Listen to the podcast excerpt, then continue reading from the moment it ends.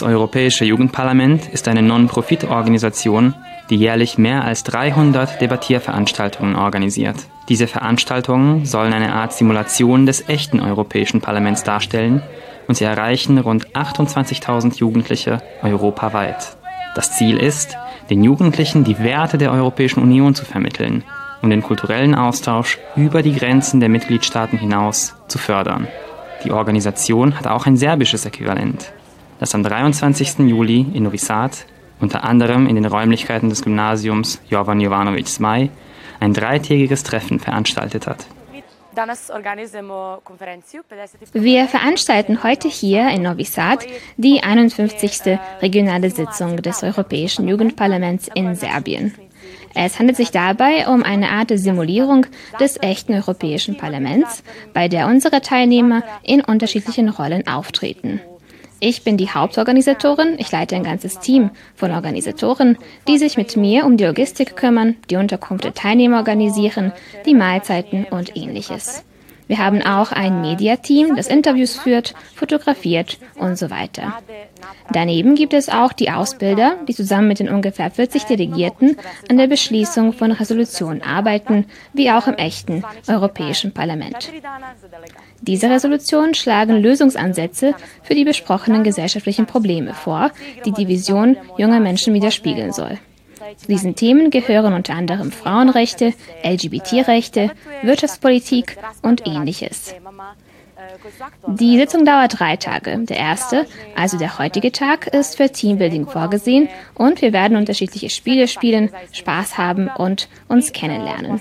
Der zweite Tag ist für die Ausschussarbeit vorgesehen. An diesem Tag diskutieren und debattieren die Teilnehmer über aktuelle europapolitische Fragestellungen.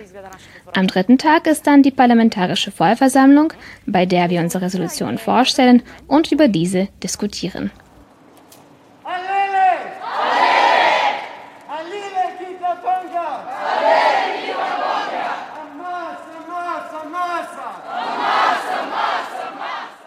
Das Teambuilding in Form von Kennenlernspielen schafft gegenseitiges Vertrauen und eine gemeinsame Motivation. So entwickeln die Teilnehmer und Teilnehmerinnen die wichtigsten Voraussetzungen für die inhaltliche Arbeit an einer gemeinsamen Resolution.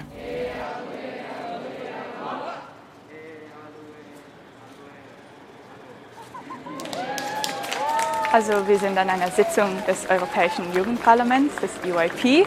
Das EYP ist eine Jugendorganisation, die ähm, sich einsetzt, um Jugendlichen die Politik näher zu bringen, ohne also politisch aktiv zu sein. Also wir sind eine politisch neutrale Organisation, die sich einfach dafür einsetzt, den Jugendlichen das Interesse an der Politik näher zu bringen, damit sie sich austauschen können über verschiedene Themen und debattieren können und einfach ein bisschen ihre Meinungen austauschen können und gleichzeitig auch zum Beispiel ihr Selbstvertrauen stärken. Ich bin für den medialen Output zuständig, das heißt, ich bin sozusagen eine Journalistin.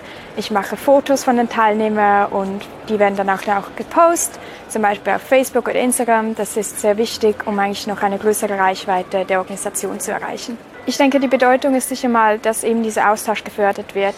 Es ist egal, von woher du kommst. Wenn du interessiert bist, dann können wir diesen Austausch miteinander führen. Und ich glaube, um ein Netzwerk für nachher oder nachhaltig eigentlich zu produzieren, ist das sehr, sehr äh, relevant. Und ich meine, Politik ist so etwas Wichtiges, es ist in unserem Alltag vorhanden. Das heißt, wir müssen aktiv bleiben und auch aktiv uns eigentlich weiter vermitteln können. Ich habe meine erste Session also im 2018 besucht und äh, EYP, also Europäisches Jugendparlament, hat mir sehr gefallen und ich habe äh, damit also äh, ich habe das weitergemacht äh, und ja, es ist, ich glaube, das ist eine große, also eine tolle Möglichkeit für alle jungen Leute, also nicht nur äh, um Europa, Europa zu reisen, also auch äh, junge Leute kennenzulernen. Äh, ich führe äh, Diskussionen äh, mit Teilnehmern und mein Thema ist nachhaltige Entwicklung in osteuropäischen Ländern. So, wir reden über, wie osteuropäische Länder ihre Nachhaltigkeit verbessern können. Ich bin eine Organisatorin, das heißt, uns die Organisationsteam, wir besorgen die Anlagen, das Essen, Trinken und alles, das andere Teilnehmer, also Chairpersons, Media Team Members und die Delegierten auch alles, was sie brauchen, das wir besorgen. Es ist eine sehr, sehr schöne Möglichkeit, äh, äh, junge Leute aus anderen Ländern kennenzulernen und äh, zu reisen. Äh, und es ist wirklich eine sehr, sehr schöne Organisation. Ich empfehle diese Organisation zu allen, die reisen wollen und andere äh, Leute aus äh, verschiedenen Ländern und Kulturen kennenlernen wollen.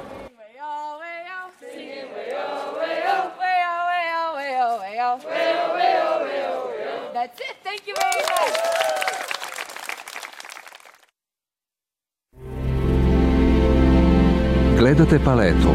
Izbor iz emisija na jezicima nacionalnih zajednica.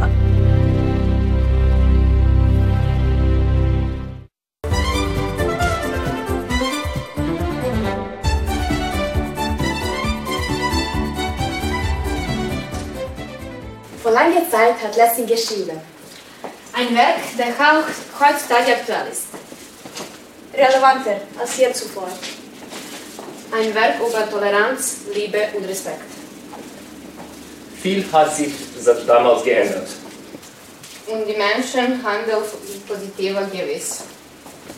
Dass unsere Menschheit kann auch nicht zur Arbeit. Denn Toleranz, Liebe und Respekt muss weiter belebt werden. Die letzte Woche im Juli wurde hier in Sombor, in Gerhard, der Ökologie gewidmet. Worum handelt es sich? Es handelt sich um ein Camp für Jugendliche von 15 bis 20 Jahre alt und es hat zuallererst einen sprachfördernden Charakter. Es geht darum, dass die Jugendlichen Deutsch sprechen, neue Vokabeln lernen, die Sprache anwenden. Natürlich geht es auch um das Thema Nachhaltigkeit. Wir hatten einen Thementag Hygiene und Kosmetik, Müll und Müllvermeidung. Es ging um Ernährung. Also wir haben versucht, die ganze Themenbandbreite abzudecken. Und wir hatten ein Theaterstück. Oh, und was für welche? Das ist eine Adaption von Nathan der Weise, wo es darum geht, dass die Welt sehr wichtig ist und dass die einzelnen Aspekte des Umweltschutzes sehr wichtig sind.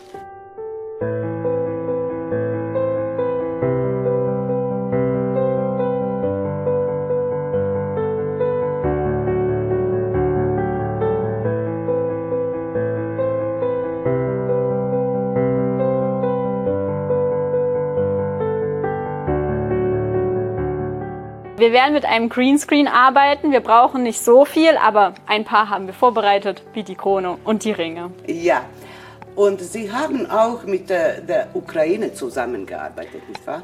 Genau, das ist ein Camp, was mit meinem IFA-Kollegen in Ukraine parallel stattfindet und auch mit einer Kollegin in Ungarn. Wegen Corona haben wir uns dann entschieden, dass wir nicht alle zusammen sind, sondern die Kollegin in der Ukraine trainiert mit den Teilnehmenden das gleiche wie wir und wir sind hier in Serbien. Wir hatten Programmpunkte zusammen online und eben Sachen offline getrennt. Ja, und wie viele Kinder waren hier? Genau, es waren sechs serbische Teilnehmerinnen und sechs ukrainische Teilnehmerinnen.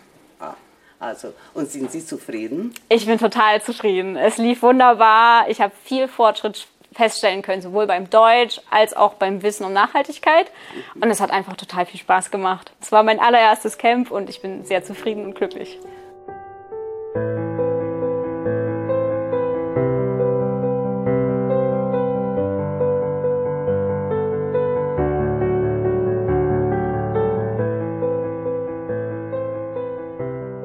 Was waren die Hauptaktivitäten in diesem Camp? Alle Themen hatten etwas mit Nachhaltigkeit zu tun. Also wir hatten erst Kosmetik und Hygiene, dann hatten wir Ernährung, nachhaltige Kleidung und solche Themen. Nur zusammen können wir das schaffen. Mit eurer Hilfe könnten wir noch eine Chance.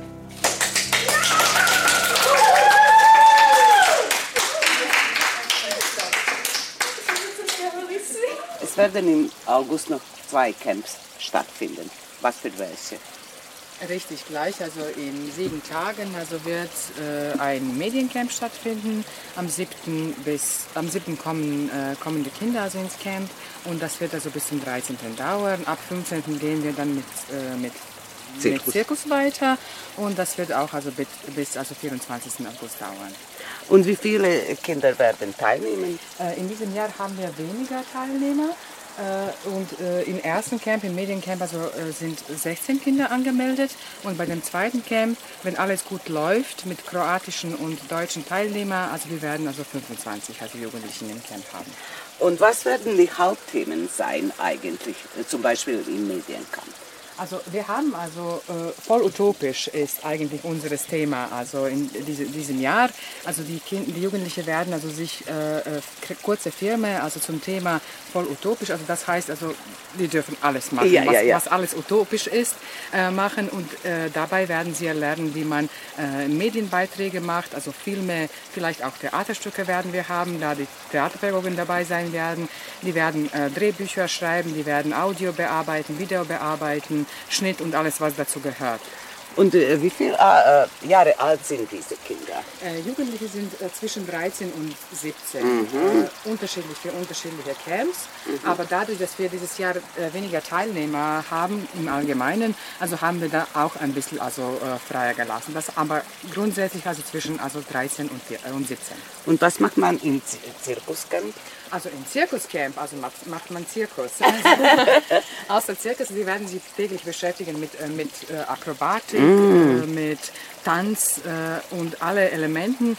Äh, und am Ende, am letzten Tag, also wir werden so schon eine Zirkusaufführung haben. Das heißt, mhm. Äh, unterschiedliche Sachen. Wir werden, also wir haben hier unterschiedliche Requisiten. Die werden auch also mit Teller spielen. Die werden vielleicht auch Einra Einrad fahren, mhm. äh, vielleicht auf einem Kugel, riesengroßen Kugel, also die, die Sie vielleicht also in Zirkusvorstellungen kennen. Also Laufen versuchen, also Pyramide, äh, unterschiedliche Sachen, die zum Zirkus gehören.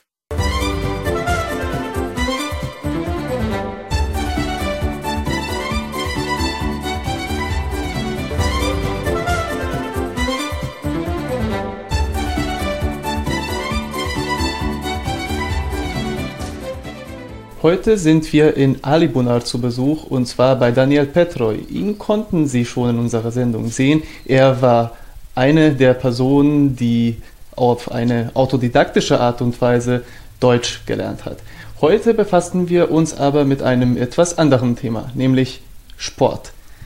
Daniel, ich äh, möchte Sie zuerst äh, darum bitten, dass Sie sich kurz vorstellen und unseren Zuschauerinnen und Zuschauern einige Worte über sich selbst sagen. Ja, wie ich habe schon gesagt, mein Name ist Daniel Petro, ich komme aus Libunar. Ich bin 37 Jahre alt, Wohnberuf, ich bin Verkäufer und äh, schon seit ein paar guten Jahren ich arbeite in Landwirtschaft. Und ich bin verheiratet, habe eine Tochter Daria und meine Frau heißt Adriana. Schön. Und ja, wie ich erwähnt habe, ist unser heutiges Thema Sport. Und zwar Basketball, um genauer zu sein. äh, sie waren live bei mehreren Spielen der deutschen äh, Männerauswahl der deutschen Basketballnationalmannschaft äh, dabei. Um welches wichtiges Ereignis handelt es sich dabei und wann und wo wurde es organisiert? Ja, es handelt sich um das äh, europäische Bas Basketballmeisterschaft des, der Herren. Das äh, europäische Mannschaft sozusagen. Und es war organisiert in, äh, in damals äh, Serbien und Montenegro, in äh, Belgrad, in Novi Sad, Vršac und Podgorica.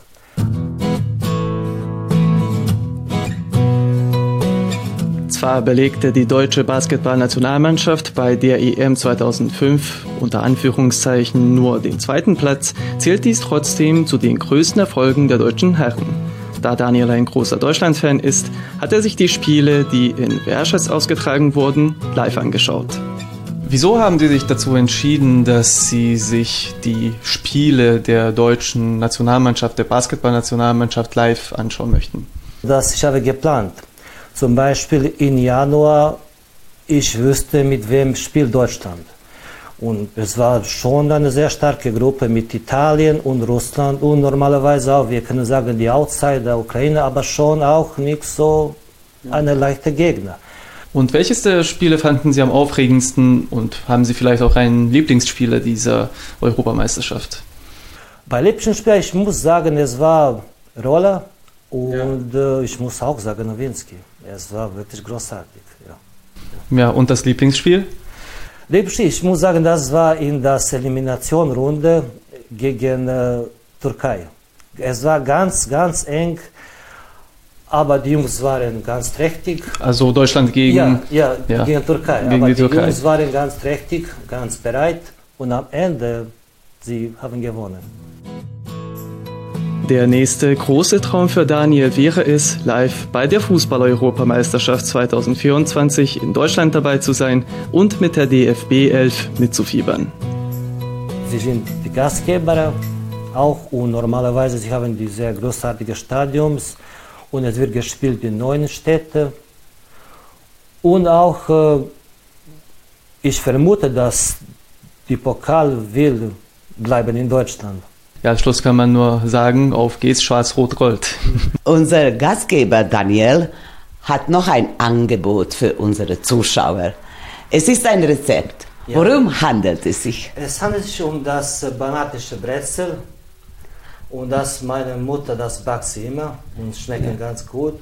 Ja. Und jetzt werde ich, ich euch äh, sagen, welche Zutaten wir brauchen. Also, was sind die Zutaten? Wir brauchen ein Kilo Mehl, 500 Liter Milch. Milliliter. Ja, Milliliter. Ja. Milch. Äh, 200 Milliliter Öl. Dann zwei Esslöffel äh, Salz und zwei Esslöffel äh, Zucker. Und wird es auch gebraucht frisches Hefe. Und, äh, Margarine. Und 150 äh, Margarine. Mhm.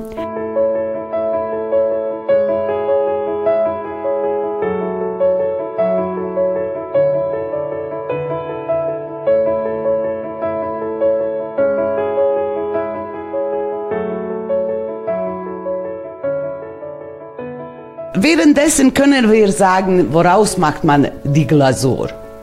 Ah. Die Glasur. Ah, ah, die, mhm. Glasur. Da, wir brauchen ein Ei. Mhm. Ein Ei wir brauchen. Mhm. Dann wir brauchen äh, eine 10 Esslöffel Mehl, äh, zwei Esslöffel Salz und 300 Milliliter Wasser. Mhm. Und so sieht es ja. aus. Hier ist ja, die fertige. Ja, Kannst du ein bisschen mit Löffel zeigen? Ja. So, so sieht die. Zum Beispiel so. Mhm. Und damit ziert man ja. die ja, Brezel. Ja. Mhm. ja. und normalerweise auch, wir brauchen, wie ich habe gesagt, auch Margarine. Mhm. Auch und Margarine kommt, wenn sie schon gebacken sind? Ja, wenn sie schon gebacken sind, dann kommt die Margarine. Wird äh, gebackt äh, am 250 Grad. Mhm. Ja. 200, äh, wie lange? Ich würde sagen, eine ja, Stunde. Ja, so. Ja. Jetzt können wir das. Ja. ja. Äh, wie lange? Ich glaube eine Stunde. Ja. Eine Stunde.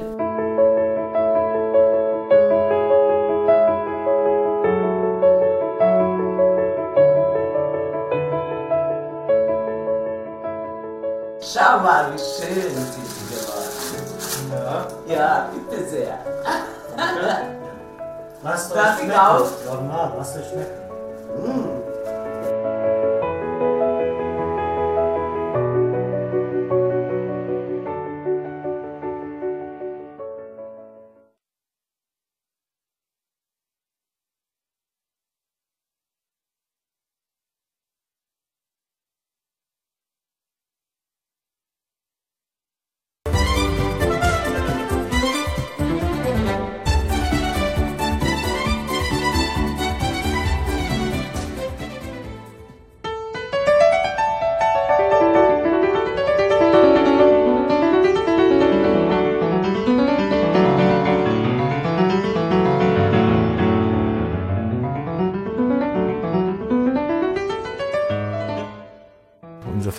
Heißt Piano Summer.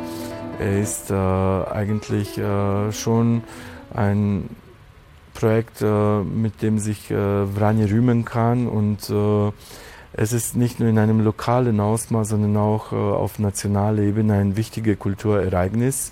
Und wir haben es geschafft, uns auf lange Sicht äh, als Kulturprojekt zu bewähren, was in diesen Gegenden nicht ganz einfach ist. Und darauf bin ich ziemlich stolz. Äh, dieses Festival hatte von Anfang an auch einen deutschen Präfix, weil ich selber in Deutschland lebe und äh, ich muss sagen, da ist auch mit großer Unterstützung äh, vom Professor Klaus Schilde äh, möglich geworden. Herr Schilde war selber Präsident der Musikhochschule in München und gilt als einer der prominentesten Vertreter der deutschen Klaviertradition.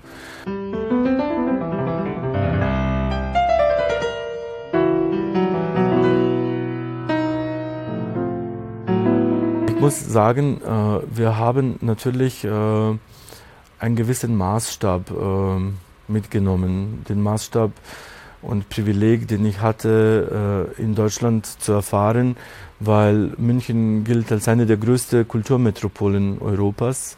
Und meine Absicht war, immer ein Fenster in die Welt zu schaffen. Eigentlich ein Fenster in die Welt zu schaffen, äh, dass junge Leute hier in Serbien sehen können, was in Europa, in der Welt passiert.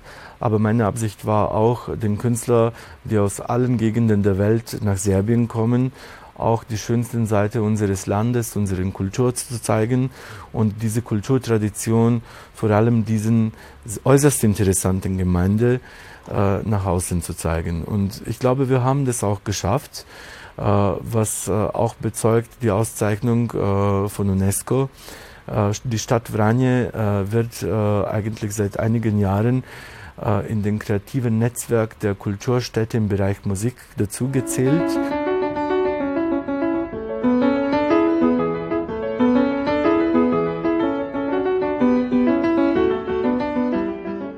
Unser Festival leistet sicherlich einen großen Beitrag äh, für dieses reges Kulturleben in Vranje, weil große und namhafte Künstler aus aller Welt äh, sind hier aufgetreten und äh, haben uns mit ihrer Anwesenheit geehrt. Äh, ich selber bin auch stolz, dass wir sagen können, dass das nicht mehr ein kleines lokales oder nationales Ereignis ist, das Festival in Vranje ist groß geworden und äh, wir definieren uns eigentlich jetzt als ein europäisches Kulturnetzwerk, weil unser Festival, unser Projekt findet äh, ab diesem Jahr auch in Süditalien statt, in Bayern. Und zwar nicht nur in München, sondern in unterschiedlichen Gemeinden. Ich finde, das ist einfach ein schönes Beispiel, dass Kultur verbindet.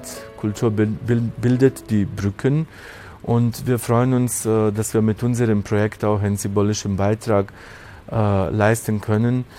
Insbesondere, weil ich persönlich finde, dass die Zeiten wie die jetzigen, wo wir alle äh, Bedürfnis haben, uns auszutauschen, sowohl politisch und menschlich, als auch aus der Perspektive des Covids. Wir sind sehr isoliert, sehr einsam. Ich finde, die Kultur verbindet, hat es immer getan. Und wir freuen uns auch, dass diese Stille, die um die Kultur, insbesondere Musik, zu lange äh, war, jetzt gebrochen wird, eben mit wunderschönen Klängen der Musik.